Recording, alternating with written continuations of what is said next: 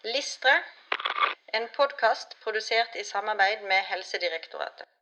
Alm 048 kjenner til konsekvensene av at mennesket er fortolkende av natur, og kunne ta hensyn til at de opplysninger, fakta og funn som blir omhandlet i et pasientmøte, blir fortolket av både lege og pasient, der fortolkningene ofte bærer preg av tidligere erfaringer hos begge parter.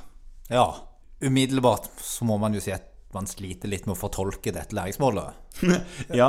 Um, jeg brukte iallfall ikke bare én pust på å lese det opp. Nei.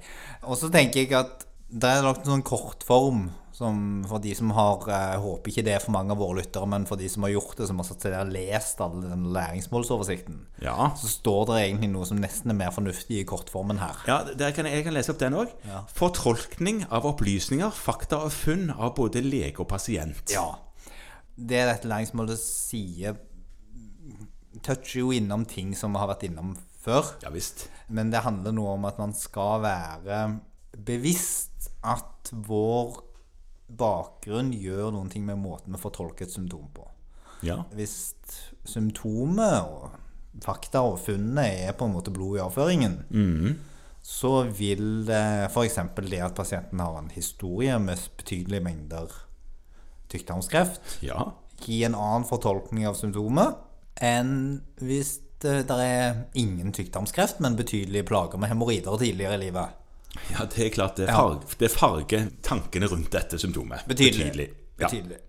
Og det farger, altså legens vurderinger det farges også.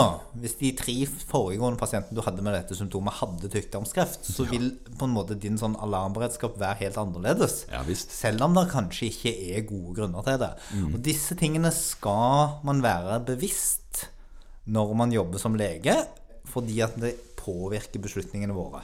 Ja. Og det er det dette læringsmålet prøver å si noen ting om. At man på en måte skal ha en bevissthet rundt det.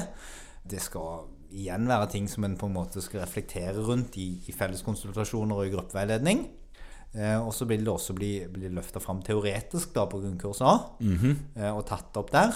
Men først og fremst er dette noe man må reflektere på over tid, etter hvert som man er i praksis og møter ulike situasjoner, og får veiledning på de underveis. Ja.